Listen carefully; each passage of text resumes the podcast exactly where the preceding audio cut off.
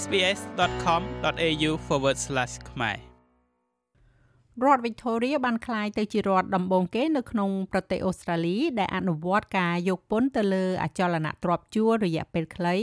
ដែលរកឃើញនៅលើវេទិកាដូចជា Airbnb ជាដើម។លោកអភិបាលរដ្ឋ Daniel Andrews មានប្រសាសន៍ថាពន្ធ7.5%នឹងជួយដោះស្រាយវិបត្តិលំនៅឋានរបស់រដ្ឋនេះ លោកក៏បានប្រកាសថារដ្ឋនេះបដិញ្ញាសាងសង់ផ្ទះចំនួន8សែនខ្នងក្នុងរយៈពេលមួយទសវត្សរ៍ខាងមុខប្រសិនបើអ្នកកំពុងតែគិតអំពីការទៅវិស្សមការនៅរដ្ឋ Victoria អ្នកប្រហែលជាឃើញការចំណាយដែលមិននឹកស្មានដល់ត្រូវបានបន្ថែមទៅលើការកក់ Airbnb របស់អ្នកក្នុងរយៈពេលជាង1ឆ្នាំទៀតប៉ុណ្ណោះ រដ្ឋ Victoria បានក្លាយទៅជារដ្ឋដំបូងគេនៅក្នុងប្រទេសអូស្ត្រាលី ដែលណែនាំពន្ធទៅលើការជួលរយៈពេលខ្លីក្នុងកិច្ចខិតខំប្រឹងប្រែងដើម្បីទប់ទល់ទៅនឹងផលប៉ះពាល់ដែលវិស័យនេះមានមកលើវិបត្តិលំនៅឋាន ចាប់ពីដើមខែមករាឆ្នាំ2025អ្នកប្រើប្រាស់នឹងត្រូវបង្ខំឲ្យបង់ពន្ធស្នាក់នៅរយៈពេលខ្លី7.5% ពីលើការកក់របស់ពួកគេ ដែលជាផ្នែកមួយនៃកំណែទម្រង់ដ៏ទូលំទូលាយដោយរដ្ឋាភិបាលរដ្ឋ Victoria ដើម្បីដោះស្រាយកង្វះការផ្គត់ផ្គង់លំនៅឋានលោកអភិបាលរដ្ឋ Daniel Andrews មានប្រសាសន៍ថាមូលនិធិដែលទទួលបានពីពន្ធនេះនឹងជួយផ្ដល់មូលនិធិដល់ផ្ទះរដ្ឋនិងលំនៅឋានដែលមានតម្លៃសមរម្យ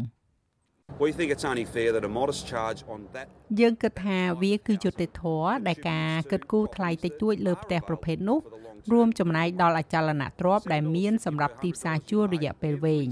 នោះគឺ7ដុល្លារ50សេនក្នុង100ដុល្លារដែលអ្នកបង់គ្រប់កាក់គ្រប់សេននឹងចូលទៅ Homes Victoria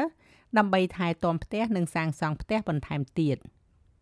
គេរំពឹងថាការយកពន្ធនេះនឹងប្រមូលថវិកាបាន70លានដុល្លារក្នុងមួយឆ្នាំមួយឆ្នាំចាប់ពីឆ្នាំ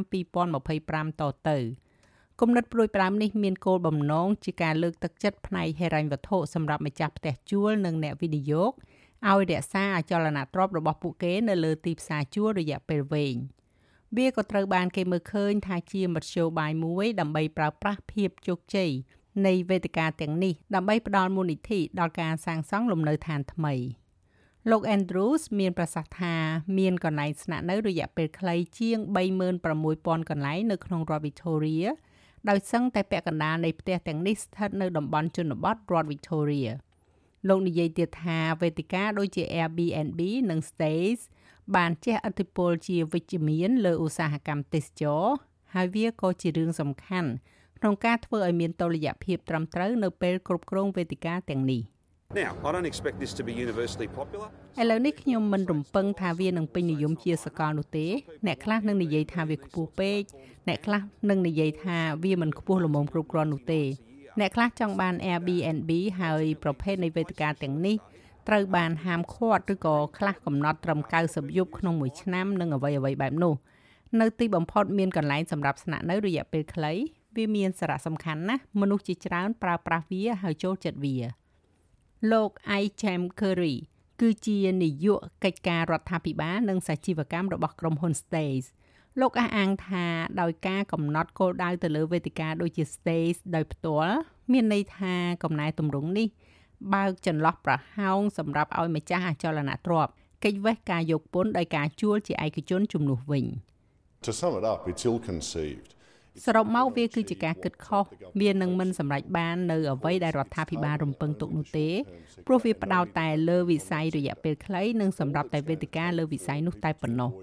អ្វីទាំងអស់វានឹងនាំឲ្យមនុស្សម្នាដើម្បីតែជៀសវាងការប្រមូលនិងបង់ប្រាក់នេះនិងដកខ្លួនចេញពីវេទិកាមានន័យថាគេនឹងមិនបានលុយទេហើយរដ្ឋាភិបាលនឹងបាត់បង់ឱកាស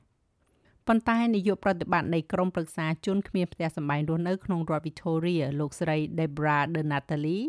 និយាយថាការយកពន្ធនេះអាចជាឧបករណ៍សម្រាប់ការបង្កើនស្តុកលំនៅឋានរដ្ឋហើយជឿជាក់ថារដ្ឋនិងដែនដីផ្សេងទៀតគួរតែទទួលយកនៅគំនិតផ្ដួចផ្ដើមនេះ។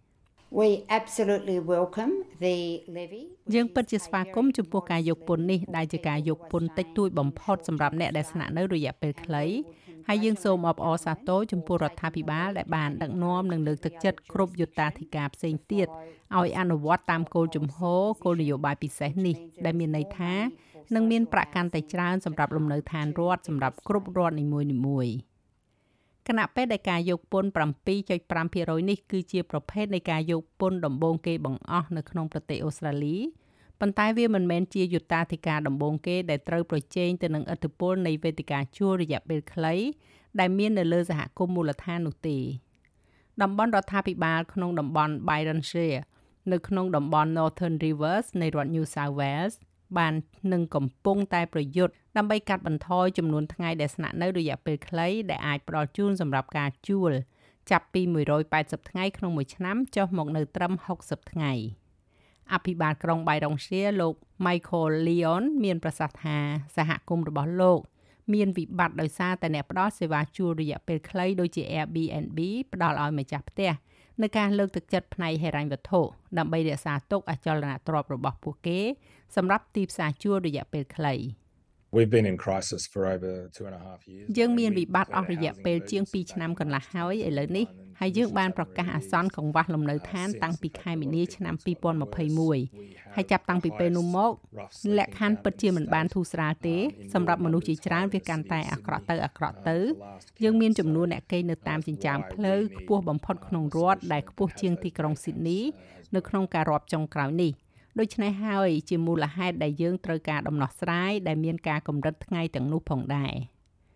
Byron Shea កំពុងរងចាំការអនុម័តសម្រាប់កំណែទម្រង់ដែលបានស្នើឡើងរបស់ពួកគេពីរដ្ឋមន្ត្រីក្រសួងផែនការរដ្ឋ New South Wales លោក Paul Scully ដែលគេរំពឹងថានឹងប្រគល់សេចក្តីសម្រេចចុងក្រោយនៅក្នុងប៉ុន្មានខែខាងមុខនេះលោក Leon និយាយថាលោកត្រូវបានលើកទឹកចិត្តដោយកំណែទម្រង់ពន្ធរបស់រដ្ឋាភិបាលរដ្ឋ Victoria ប៉ុន្តែជឿថាវាមិនដោះស្រាយបញ្ហាស្នូលមួយក្នុងចំណោមបញ្ហាស្នូលទាំងនេះជាមួយនឹងវេទិកាទាំងនេះនោះទេ It doesn't do anything to stop investors buying up វាមិនធ្វើអ្វីដើម្បីបញ្ឈប់អ្នកវិនិយោគពីការទិញអចលនទ្រព្យដែលដាក់ជួលរយៈពេលវែងហើយបន្ទាប់មកដាក់វាចូលទៅក្នុងការជួលរយៈពេលខ្លី ដូច្នេះខ្ញុំគិតថាជាផ្នែកមួយនៃដំណោះស្រាយទូលំទូលាយខ្ញុំគិតថាវាជាការផ្លាស់ប្ដូរដ៏ល្អខ្ញុំជួយចិត្តមធ្យោបាយដែលពួកគេកំពុងហុំព័ទ្ធមូលនិធិទាំងអស់ហើយដាក់វាចូលទៅក្នុងលំនៅឋានរដ្ឋនិងតម្លៃសមរម្យប៉ុន្តែសម្រាប់តំបន់ដូចជា Byronshire វាមិនគ្រប់គ្រាន់ទេវានឹងមិនធ្វើអ្វីដើម្បីបង្កើតជាការបង្អាក់ទឹកចិត្តសម្រាប់អ្នកវិនិយោគពីការទិញអចលនទ្រព្យហើយដាក់វាជួលក្នុងរយៈពេលខ្លីនោះទេ លោកអភិបាលរដ្ឋ Andrews ក៏បានប្រកាសថារដ្ឋាភិបាលរដ្ឋ Victoria នឹងសាងសង់ផ្ទះថ្មីចំនួន8សែនខ្នងនៅទសវត្សរ៍ក្រោយជាមួយនឹងគោលដៅចុងក្រោយបង្អស់ដើម្បីឲ្យមានផ្ទះចំនួន2លាន2សែនខ្នងដែលត្រូវបានសាងសង់នៅឆ្នាំ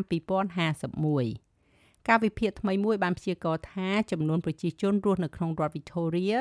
នឹងកើនឡើងដល់10លាន3សែននាក់នៅឆ្នាំ2051គឺកើនឡើង3លាន5សែននាក់